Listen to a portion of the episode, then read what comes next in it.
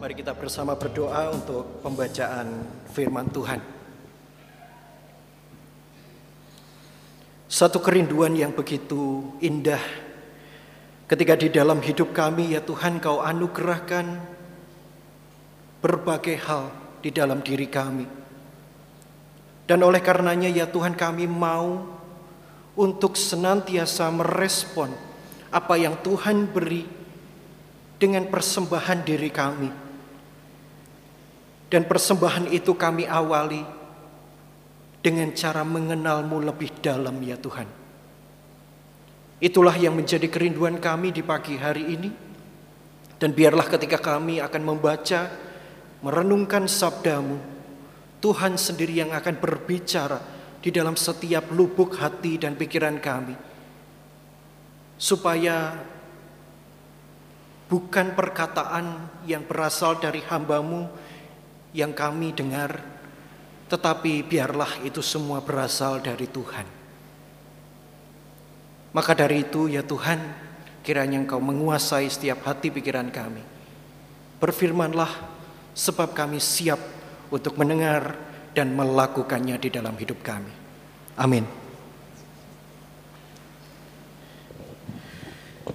Bapak Ibu Saudara yang terkasih, bacaan Injil kita pada hari ini diambil dari Yohanes pasalnya yang ke-18 ayatnya yang ke-33 hingga ke-37.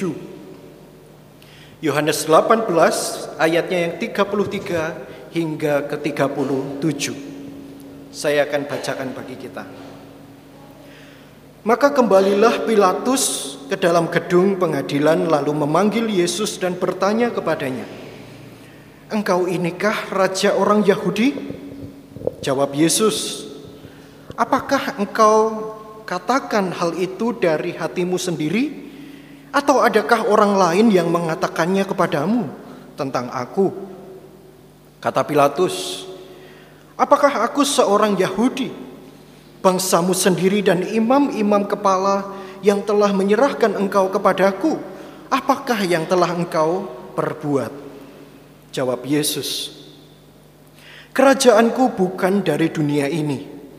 Jika kerajaanku dari dunia ini, pasti hamba-hambaku telah melawan, supaya aku jangan diserahkan kepada orang Yahudi. Akan tetapi kerajaanku bukan dari sini. Maka kata Pilatus kepadanya, jadi engkau adalah raja? Jawab Yesus. Engkau mengatakan bahwa aku adalah raja. Untuk itulah aku lahir dan untuk itulah aku datang ke dalam dunia ini. Supaya aku memberi kesaksian tentang kebenaran. Setiap orang yang berasal dari kebenaran mendengarkan suaraku.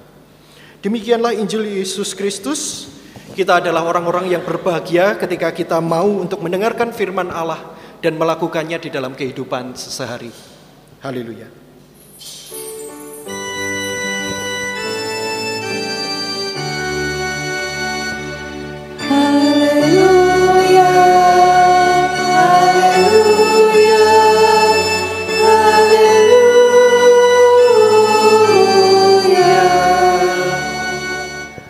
Bapak Ibu Saudara yang saya kasihi dalam Yesus Kristus, bagaimana yang telah diungkapkan di dalam awal liturgi kita bersama.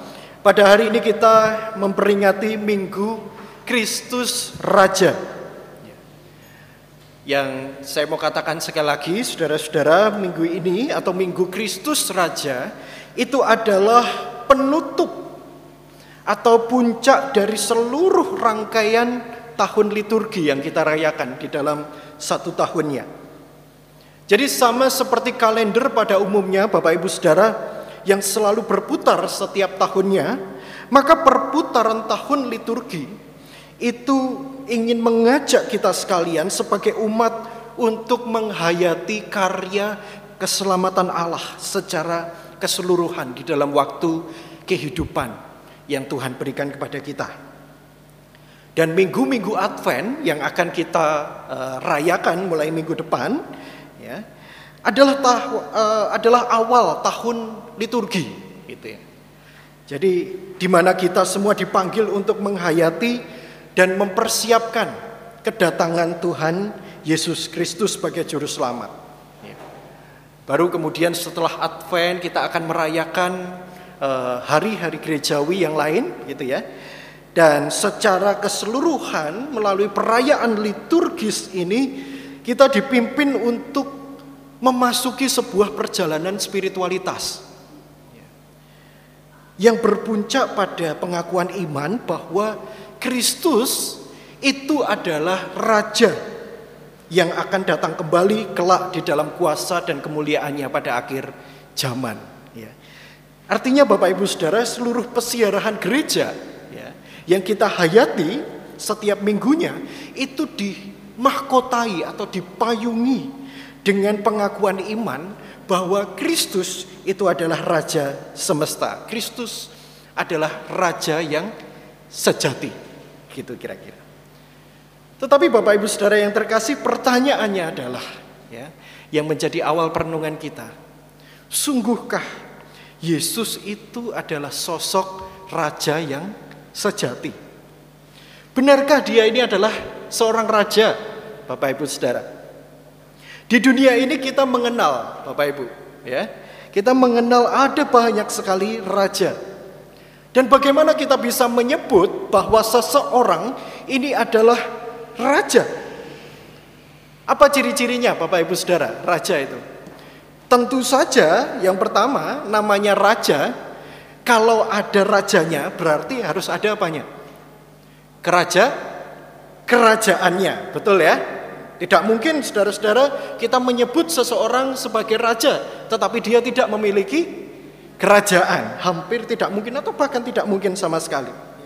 Ketika kita tinggal di dalam sebuah kerajaan pun saudara-saudara kita juga belum tentu dipanggil sebagai oh Bapak Raja gitu ya misalnya. Belum tentu kita semua ini dipanggil sebagai raja.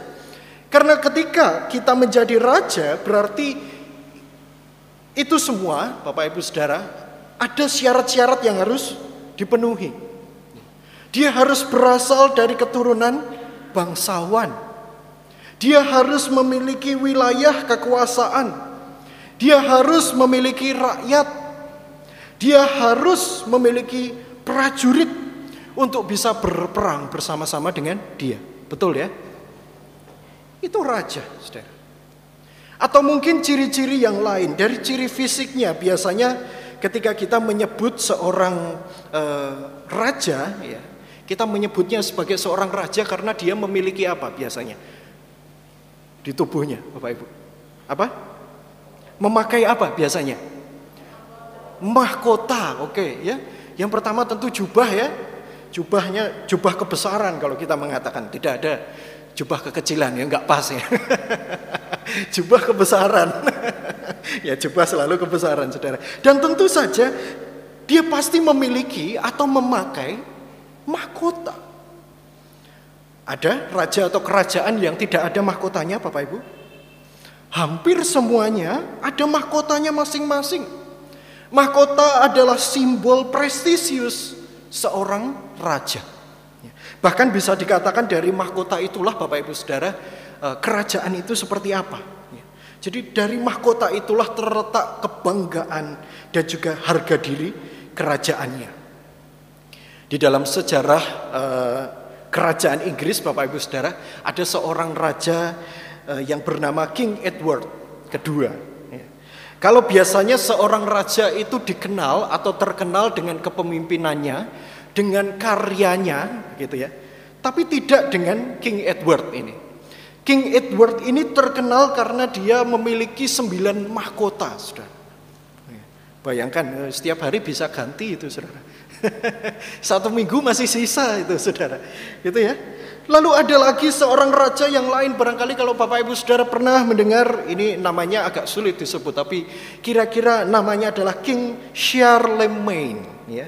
Seorang raja dari Eropa di abad yang ke-8 Saudara. Dia juga demikian, dia terkenal itu bukan karena kepemimpinannya, bukan karena karya-karyanya, tetapi karena mahkotanya yang tidak biasa. Mahkotanya itu segi delapan, yang setiap sisinya itu ada emas dan berliannya, saudara. Atau kalau tidak, saudara-saudara, ada ciri atau tanda fisik yang lain, saudara. Kita bisa menyebut seseorang sebagai raja ketika apa, saudara? Ketika dia, katakanlah dia ini menguasai atau memiliki keahlian khusus. Ada biasanya kita menyebut raja minyak, Wah, misalnya ya, pengusaha minyak, gitu ya. Yang kita kenal misalnya salah satunya adalah Howard Marshall, itu. Ya. Raja sepak bola misalnya, ya. Siapa raja sepak bola dalam sejarah sepak bola, saudara? Siapa? Nah, ini kalau saya tanya Mas Chandra ya harusnya tahu ini. ya, biasanya kita menyebut Maradona atau Pele misalnya. Di Indonesia kita juga mengenal Raja Dangdut, siapa? Roma Irama. Wah, apal ini berarti lagunya ya apal harusnya. Raja Tinju misalnya, siapa?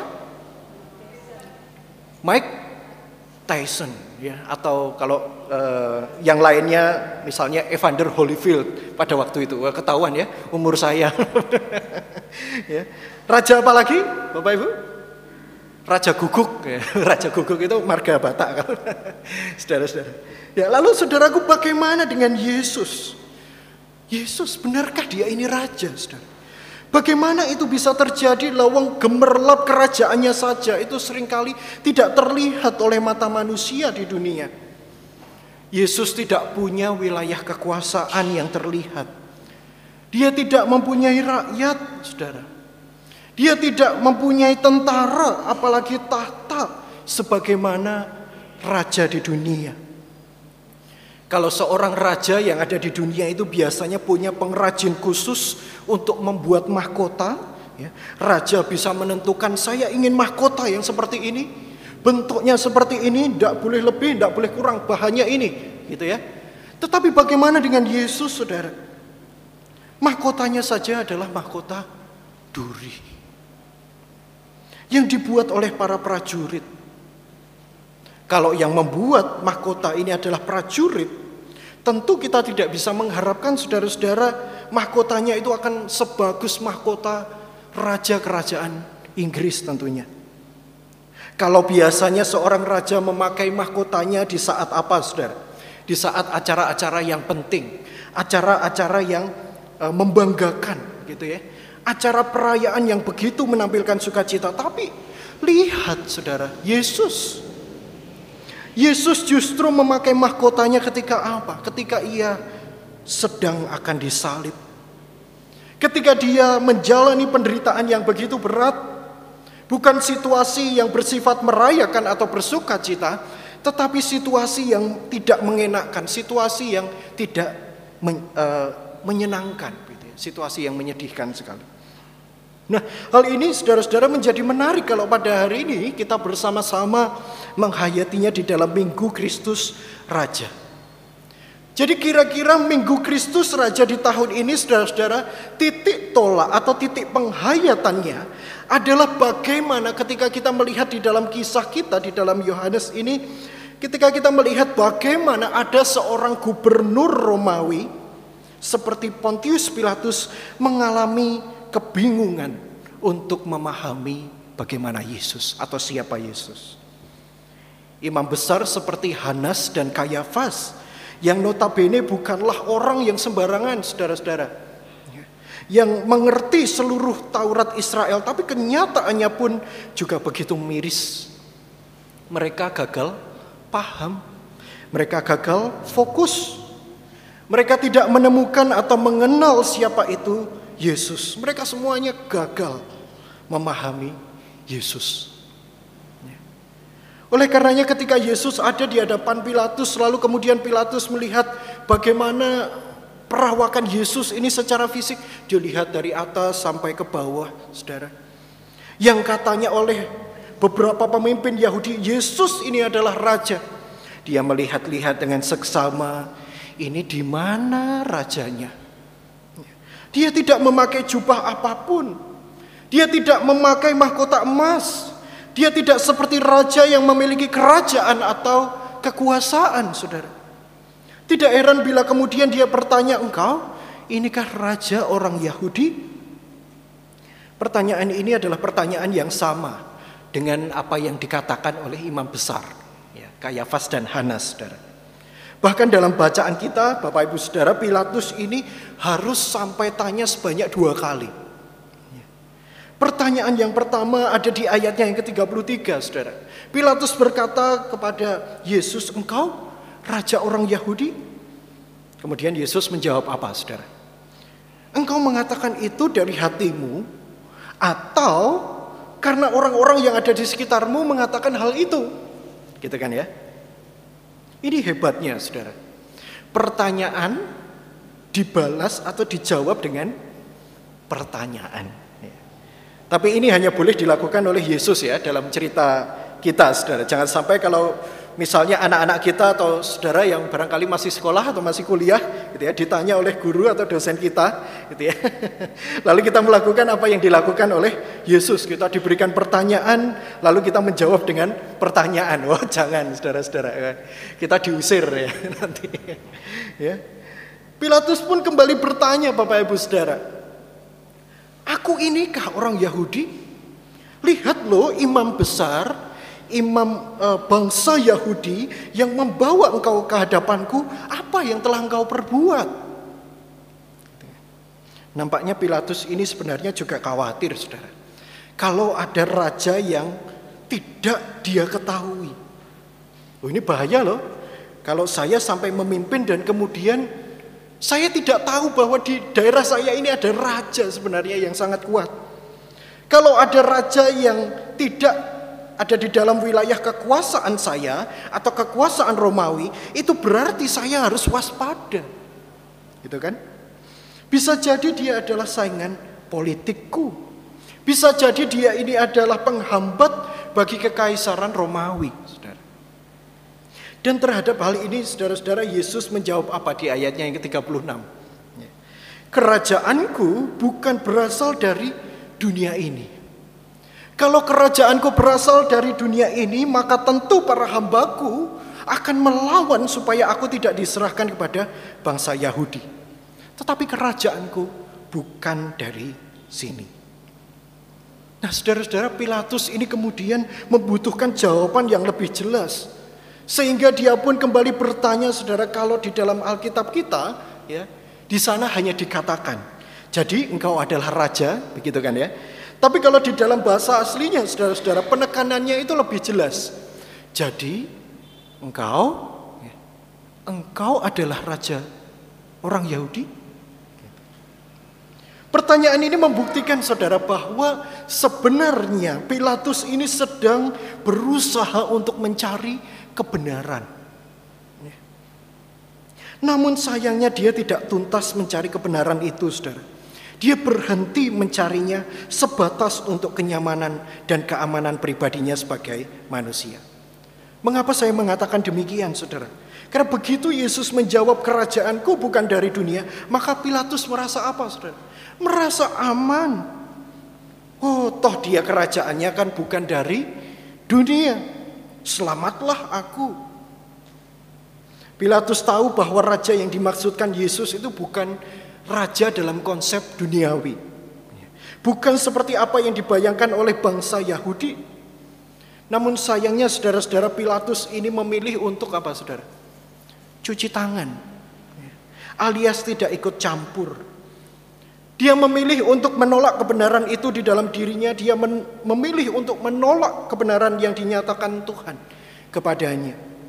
Bahkan di dalam Injil kita yang lain itu sampai ada yang mempersaksikan saudara ya bahwa istrinya pun istri sendiri ya istrinya sendiri pun itu menyebut Yesus sebagai orang benar. Tetapi apa yang dilakukan oleh Pilatus, Saudara? Pilatus mengabaikannya. Ya.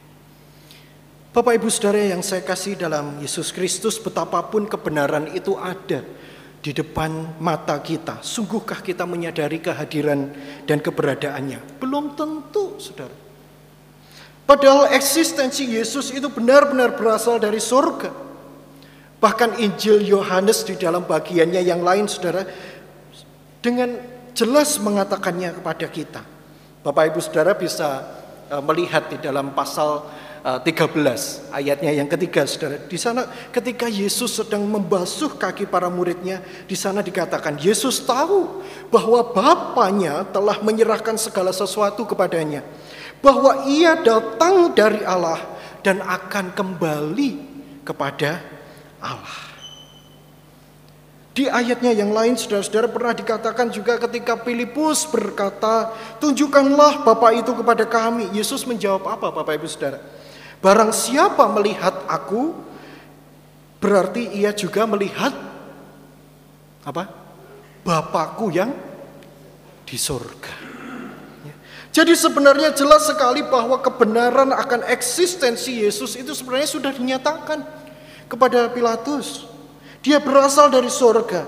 Dia adalah sang firman yang hidup yang mau turun ke dunia sebagai kebenaran yang sejati. Namun sekali lagi sayangnya Bapak Ibu Saudara, banyak manusia di dunia ini yang tidak menyadari kebenaran ini dan bahkan menolak kehadirannya. Karena manusia begitu terbatas memahami Allah. Sebabnya apa saudara? Karena manusia merasa bahwa dia memiliki pemikirannya sendiri. Oh, Allah itu seperti ini. Oh, raja itu seperti ini. Kalau raja itu syaratnya A, B, C dan seterusnya itu berarti oh dia tidak memenuhi. Manusia mudah sekali menyimpulkan demikian, Saudara. Dan sebagai pertanyaan refleksi kita pada pagi hari ini, Saudara, sungguhkah kita mengimaninya? Sungguhkah kita mengimani Yesus itu sebagai raja? Tahukah kita bahwa dia ini adalah raja? Ataupun saudara, kalaupun kita tahu tentang Yesus bahwa dia adalah raja, apa yang kita ketahui tentang dia? Raja yang seperti apa yang kita pahami? Raja yang benar-benar menguasai hidup kita ataukah sekedar raja yang sekedar mampu memenuhi segala kebutuhan hidup kita? Kalau yang kita hayati sekedar yang kedua, saudara, di mana dia hanya kita anggap sebagai pemenuhan diri kita sebagai manusia, bukan pusat kehidupan iman dan ragawi kita, maka betapa kurang ajarnya kita sebenarnya. Kalau dia adalah raja di dalam hidup kita, mosok ya kita ini kurang ajar. Malah kita yang sering kali memaksa memerintah Tuhan untuk melakukan apa yang kita inginkan. Tidak mungkin, saudara. Yang namanya rakyat itu akan selalu patuh pada rajanya. Kita mengenal dengan istilah bahasa Jawa ya. Sendiko, dawuh. Ya. Begitu ya kira-kira. Bapak Ibu Saudara masih mengingat ya, saya kira kita semua masih mengingat ada sosok yang bernama Mbah Marijan. Ya, tahu ya Bapak Ibu? Ya, yang ada iklannya itu ya, Roso gitu. ya. Ini adalah salah satu contoh sederhana Bapak Ibu Saudara bahwa Mbah Marijan ini adalah sosok abdi dalam yang sangat setia, baik sekali. Apalagi bagi warga Jogja dan sekitarnya, Saudara. Mbah Marijan dulu itu meninggalnya karena apa? Masih ingat nggak Bapak Ibu? Dia kekeh tidak mau turun dari gunung atau lerengnya Merapi, saudara. Sebelum apa? Sebelum Sri Sultan Hamengkubuwono itu memerintahkan dirinya secara langsung atau memberikan perintah secara langsung. Mbah Marijan ini simbol kepatuhan dan kesetiaan yang luar biasa sebagai abdi, saudara. Yang namanya abdi itu harus hormat saudara. Menempatkan raja sebagai sosok yang dihargai keberadaannya. Saya barangkali dulu pernah bercerita ya Bapak Ibu Saudara di sebuah uh, tempat ya di Jogja ya barangkali Bapak Ibu Saudara kalau sempat main ke Jogja atau suka dengan uh, wisata religius Kristiani ya saya selalu mengatakan mampirlah ke gereja uh, Katolik Hati Kudus Yesus uh, di Ganjuran ya di Bantul, saudara. Mereka ini cara mengimaninya, e, mengimani Yesus ini sangat kontekstual, saudara. Yesus bukan digambarkan sebagai seorang yang kita lihat di dalam internet atau apa, saudara, yang digambar-gambar itu ya, pakai uh, apa istilahnya kain begitu ya, tidak seperti itu, saudara. Mereka menggambarkan Yesus ini sebagai Raja Jawa. Jadi dia ada di dalam sebuah candi, saudara. Ya, Yesus itu ada di dalam sebuah candi. Ibarat ini ruangan kudus. Gitu. Nah ini ada yang menarik Bapak Ibu Saudara. Bagaimana caranya kita ini membedakan mana yang orang Katolik asli Jawa, Jogja, dengan orang yang uh, pendatang misalnya. Ya, dari apanya saudara? Dari cara berdoanya. Ya. Seorang abdi kalau selesai menghadap raja atau berbicara dengan raja, maka saudara-saudara dia tidak akan berani untuk apa? Membelakangi atau berani berjalan membelakangi rajanya. Dia pasti apa saudara-saudara? Apa? Mundur. Betul. Ya. Sama di ganjuran juga demikian saudara. Orang selesai berdoa, ya kita bisa membedakan oh ini orang Katolik Jawa asli, Jogja atau bukan, ya dari caranya berdoa.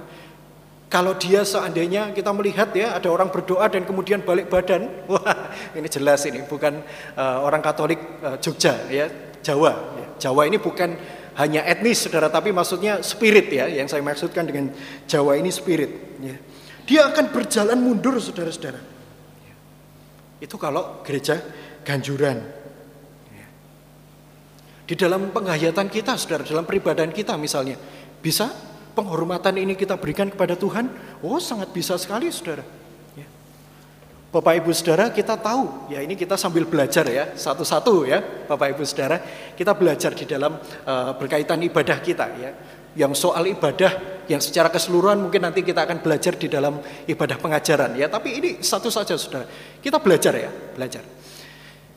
Ketika kita memulai dan mengakhiri ibadah biasanya kita mengakhiri atau mengawali dengan uh, dan mengakhiri dengan apa Saudara dengan pro prosesi. Betul ya? Prosesi. Ketika Alkitab ini masuk dalam ruang ibadah kita. Saudara-saudara kenapa? Tahu kenapa kita harus berdiri, saudara? Ya. Karena ini adalah bukti bahwa kita benar-benar merespon firman Allah yang akan dinyatakan kepada kita. Jadi saya mau mengingatkan saudara-saudara ketika Bapak Ibu Saudara ini berdiri, ini bukan dalam rangka menghormati pendeta atau majelis jemaat saudara. Jangan loh ya, salah loh. Kita sedang menghormati apa? Firman Allah yang akan dinyatakan kepada kita. Oh firman Allah mau dinyatakan kepada saya, saya menyambutnya dengan sukacita dan berdiri. Ya, berdiri itu kan simbol respon saudara. Maka saudara-saudara, kalau kita berdiri ya, sebelum firman Allah itu masuk di dalam peribadahan kita, maka harusnya satu paket, saudara. Satu paketnya di mana? Berarti kalau nanti prosesi keluar, harusnya kita tetap berdiri atau enggak? Berdiri. Ya. Jangan salah loh ya, Bapak Ibu. Kita belajar sedikit-sedikit ya. Bukan supaya Bapak Ibu Saudara menghormati saya. Saya enggak masalah Saudara-saudara enggak dihormati juga enggak apa-apa gitu ya. Tapi tidak dengan firman Allah. Hormati firman Allah. Ya, Gitu ya. Nah, nanti kita akan belajar, Saudara. Apa yang ingin saya katakan, Saudara, betapa kita ini perlu untuk menghormati Allah ini sebagaimana adanya, gitu ya. Sebagaimana seorang abdi kepada rajanya itu loh, Saudara.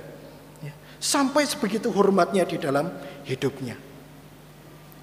Lalu apa yang perlu kita syukuri di dalam penghayatan Minggu Kristus Raja saat ini saudara-saudara? Ya sebagai penghayatan yang terakhir saudara-saudara bagaimana kita seharusnya menghayati keberadaannya sebagai raja? Raja yang seperti apa toh? Tuhan Yesus seharusnya kita ini bersyukur saudara-saudara bahwa kita ini diberi anugerah iman Kristiani Mengapa saya katakan demikian, saudara? Kalau di dalam iman-iman, kepercayaan yang lain, saudara, sering kali Allah ini hanya digambarkan sebagai sosok yang apa? Transenden. Sosok yang tinggi, maha tinggi, dan jauh sekali dari manusia. Begitu kan ya? Ya, kita mengenal Allah yang transenden. Tetapi saudara-saudara, kita bersyukur bahwa kita juga mengenal Bukan hanya Allah yang bertata di dalam kemegahan surga, Allah yang tinggi, tetapi di dalam iman kita, kita juga mengenal Yesus sebagai Allah yang imanen. Allah yang tinggal bersama dengan kita. Allah yang hidup bersama-sama dengan kita. Jadi apa yang istimewa di dalam diri Yesus sebagai Raja saudara-saudara Yang istimewa dalam diri Yesus adalah sekalipun dia berasal dari sorga ya, Dia tidak menampilkan keberadaannya layaknya raja-raja di dunia itu loh. Ya, Dia menanggalkan segala kemegahan itu ketika ia turun ke dunia. Dan dia justru memilih untuk kenosis Atau mengosongkan dirinya sebagai manusia. Supaya apa? Supaya kita dekat dengannya, supaya kita akrab dengannya, supaya kita mengenal dirinya dengan sempurna dan dengan keyakinan teguh bahwa dia adalah Allah di atas segala Allah, Raja di atas segala Raja. Saya meyakininya demikian sebagai penutup saudara. Keistimewaan Yesus itu demikian saudara. Sebagaimana yang kita hayati di dalam lagu kidung kita, PKJ 239 saudara-saudara yang diciptakan oleh RH Daniel itu ya. What a wonderful change atau kita kenal di dalam judulnya itu perubahan besar. Ya. Bagaimana lagunya saudara-saudara? Masih ingat? Perubahan besar di kehidupanku. Apa? Sejak Yesus di hatiku. Loh, orang yang katanya tidak terlihat sebagai raja yang berkuasa atau memiliki kerajaan di dunia, saudara. Tetapi ternyata loh, saudara, bisa mengubah kehidupan seseorang menjadi lebih baik. Sosok loh ya, yang katanya tidak memiliki mahkota atau jubah yang megah, tetapi ternyata bisa menembus setiap kedalaman hati, pikiran saudara dan saya dan membuat hidup kita menjadi lebih bermakna, dipenuhi damai, sejahtera dan sukacita. Apa yang lebih istimewa dari ini, Saudara? Betapa luar biasanya raja kita. Jadi marilah kita bersama bersyukur Saudara. Bila mungkin kita tidak melihatnya sebagai raja di dunia Saudara. Tetapi kita mampu merasakan kehadirannya. Dan bahkan melalui kehadirannya kehidupan kita pun juga diubahkan. Kalau dalam lagu tadi apa? perubahan yang bukan hanya perubahan kecil, saudara, tapi perubahan apa? Besar. Nah itu luar biasa kan? Yang seperti berlian tidak ternilai harganya, saudara.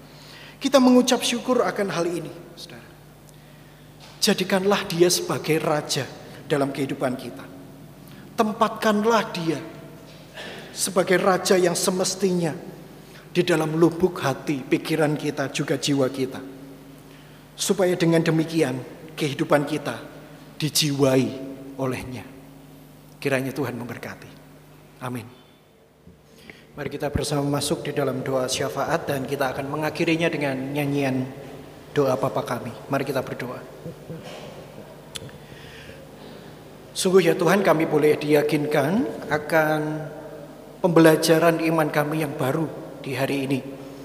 Ketika kami juga melihat bahwa Engkau adalah penguasa hidup kami, maka biarlah ya Tuhan, kami juga memberikan hidup kami sepenuhnya hanya untuk Tuhan.